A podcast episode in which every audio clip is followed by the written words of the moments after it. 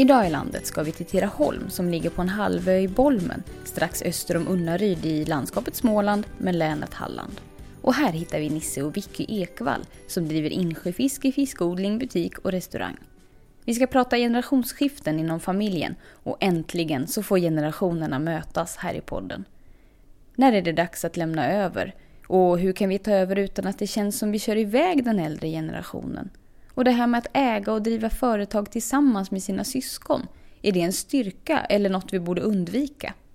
Tillsammans med barnen Malin och Jonas har jag och Nisse och Vicky samlats i köket för att prata familjeföretagande. Välkomna! Ni har liksom inte inlett något eh, officiellt eh, generationsskifte här. Men samtidigt så känns det ju spontant så när man kommer in på gården som att det pågår ett, eller att det är så självklart att det ska generationsskiftas på något sätt inom familjen. För att alla barnen bor på gården och är delaktiga i driften och sådär. Har jag, har jag uppfattat mm. rätt? Ja, det har du uppfattat rätt. Precis så är det. Och det, tankarna har ju förståtts aktualiserats lite när alla barnen har valt att bo på Tiraholm. Men det är ändå inte så att ni har haft några familjeråd där ni har pratat och dragit upp riktlinjer för framtiden och sådär?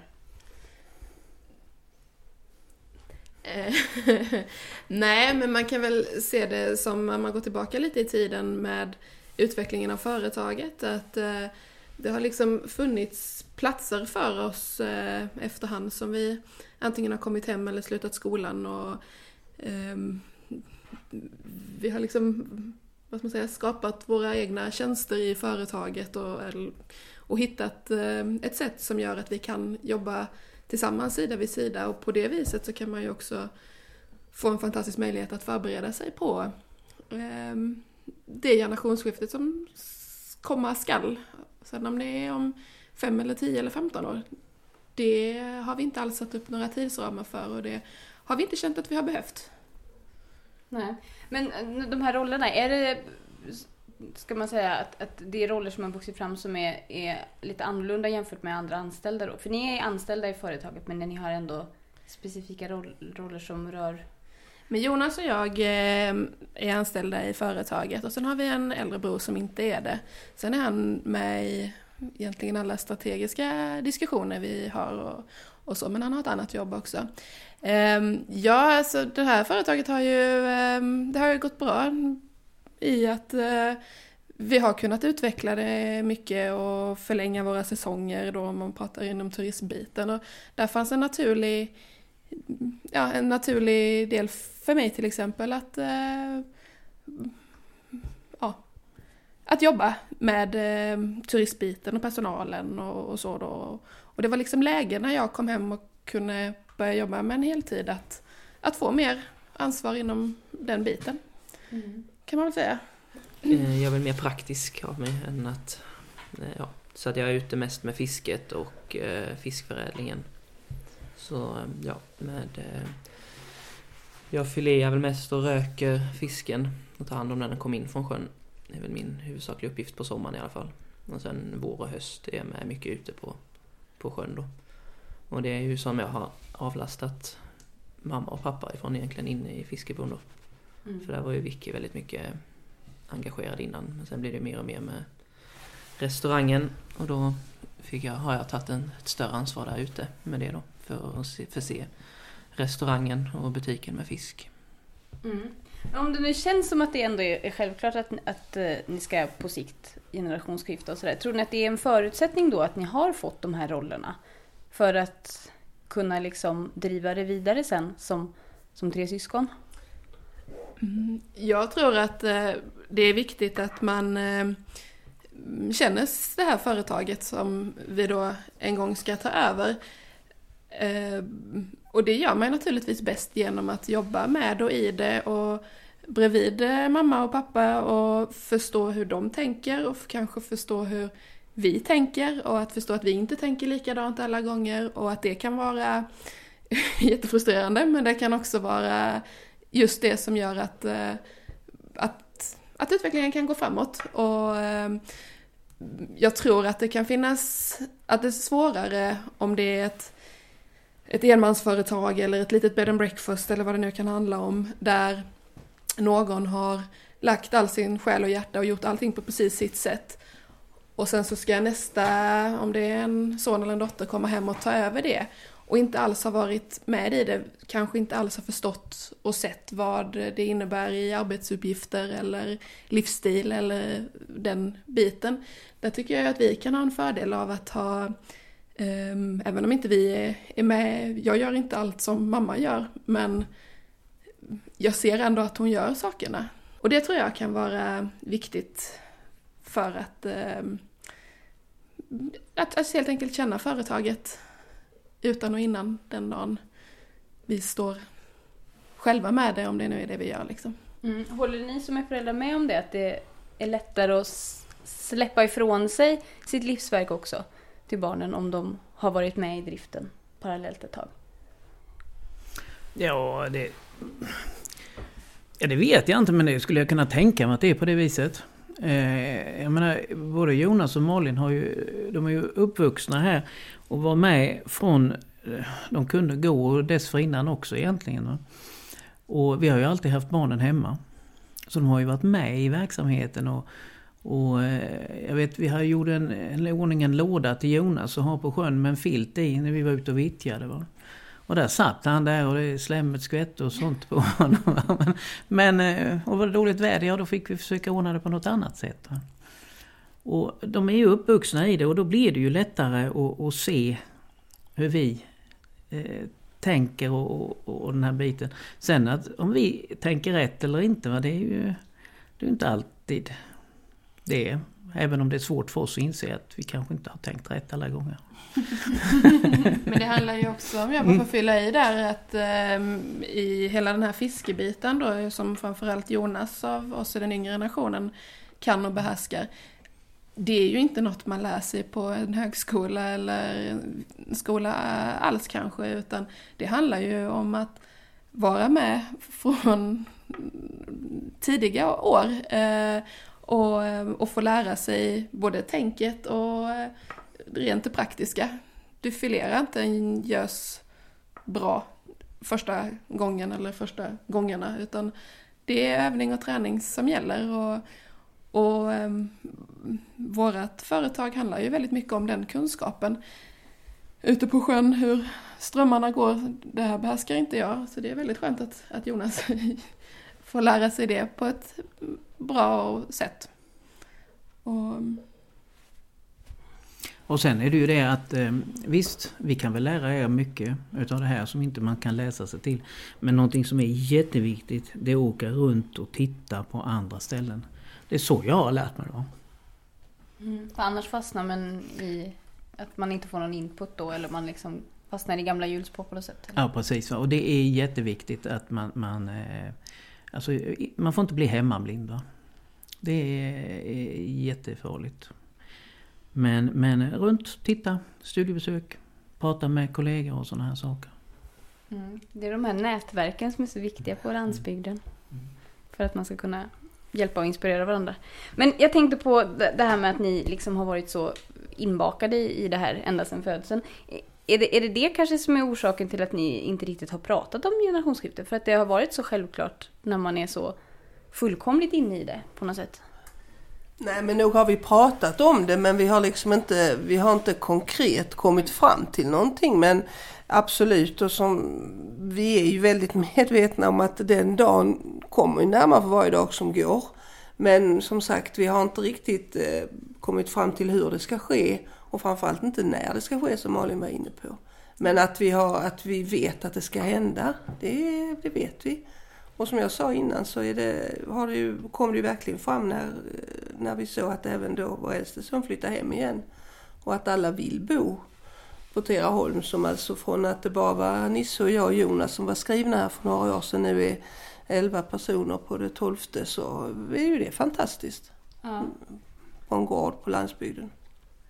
Men det handlar ju också om att, eh, ja, att, att vi eh, som nu är då mellan 25 och strax över 30 mm, egentligen först nu eller för några år sedan har landat i vad vi har velat göra med våra eh, framförallt då yrkesliv kanske men också naturligtvis var vi ska bo och hur våra respektive ska gilla, gilla det vi gör. Och nu har vi ju alla tre då begåvats med respektive som också gärna finns här, men det har ju inte varit självklart.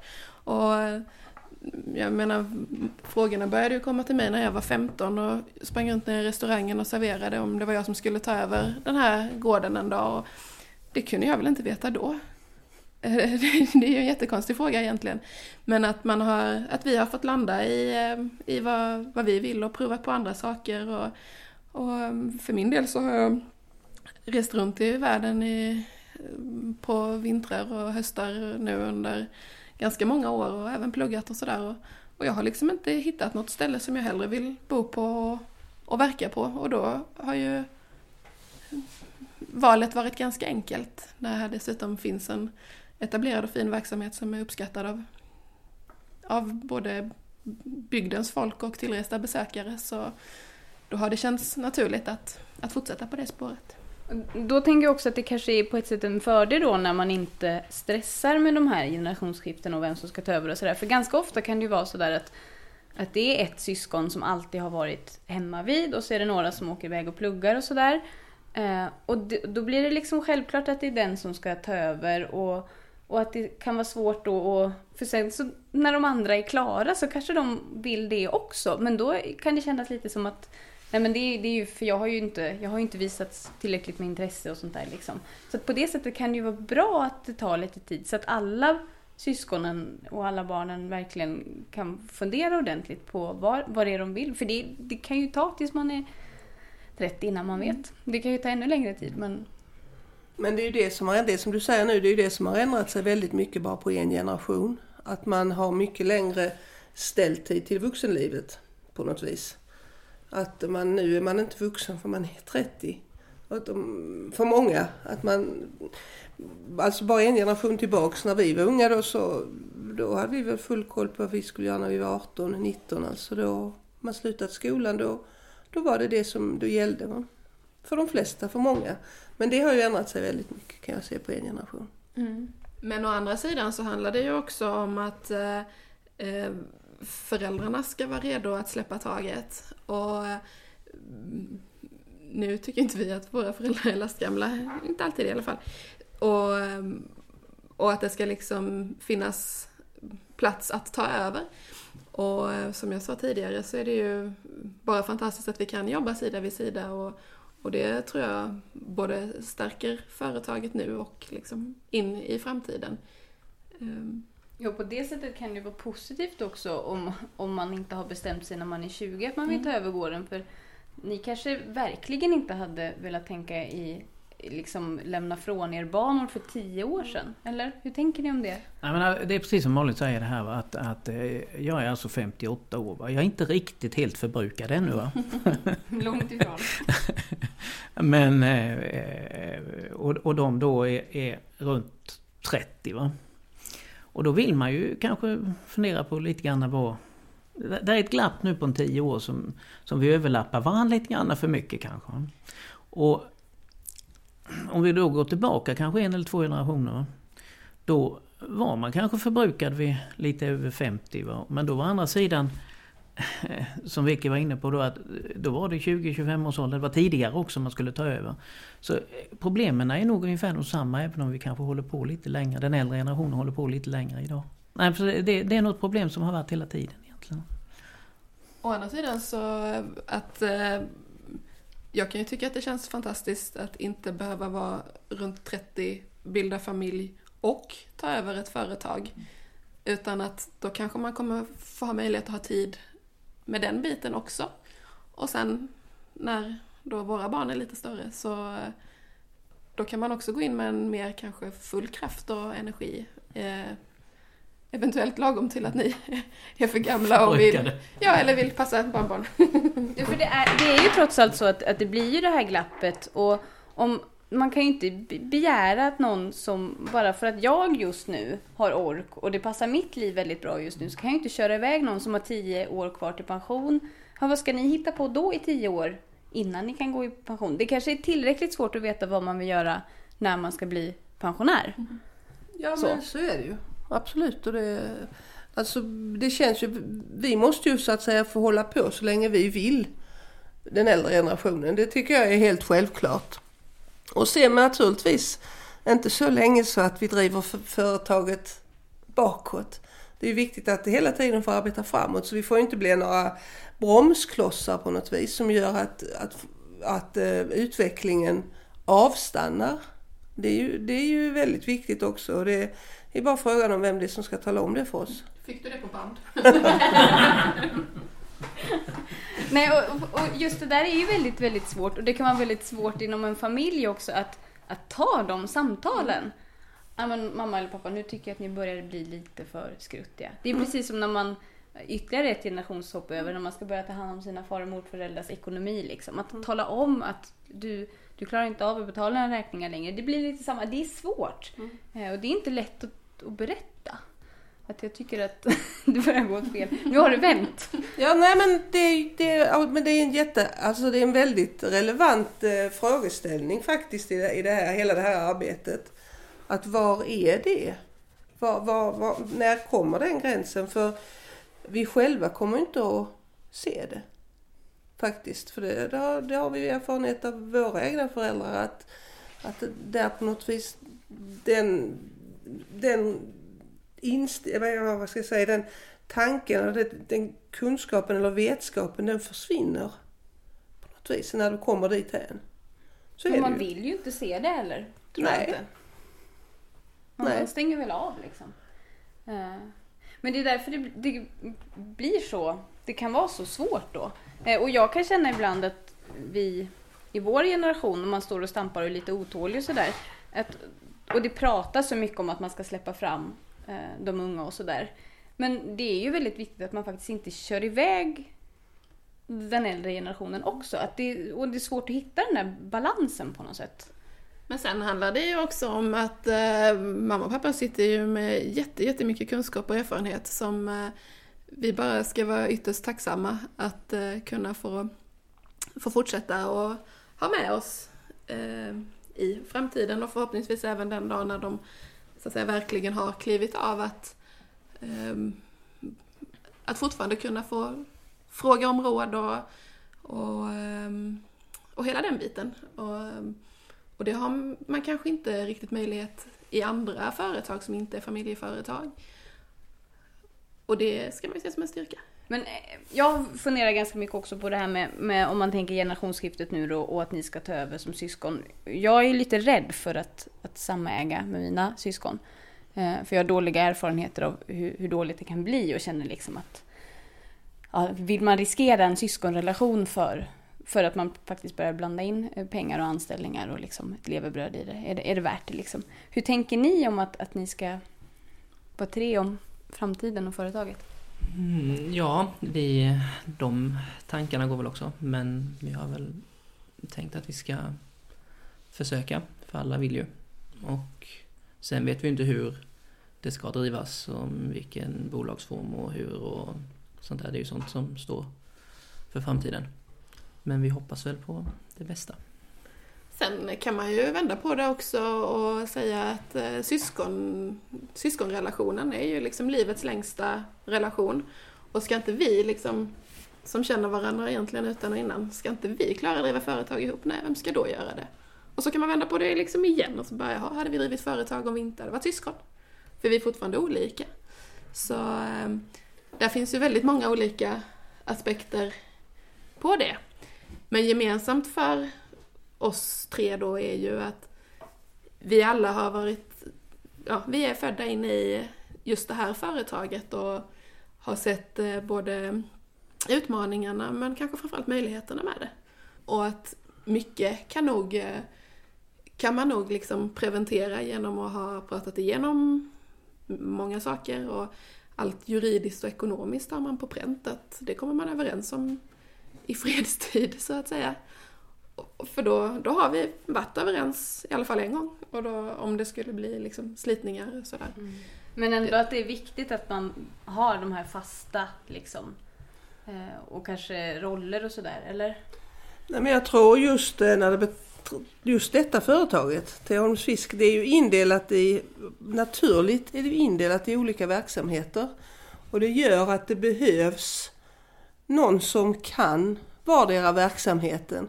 Vilket, även om man sen har det övergripande ansvaret tillsammans, så troligtvis kanske har någon form av eh, liten syskonstyrelse eller någonting sånt där kan jag ju tänka mig att man har även då. Att man diskuterar vad man ska göra och då naturligtvis gäller vara överens. Men själva verksamheten, eh, driften är på så olika ställen och där behövs ju verkligen vara någon som någon som kan det bara någon som kan detta. Mm. Va? Så det kan bli naturliga roller där man är Ja, lite... som jag ser det. Men det är som sagt det är också någonting som framtiden kanske får utvisa då. Men i, i nuläget är det ju definitivt det där Jonas har kunskapen om det just fisket som han sa och beredningen och det är ju han som då levererar in råvaran till både gårdsbutik och restaurang.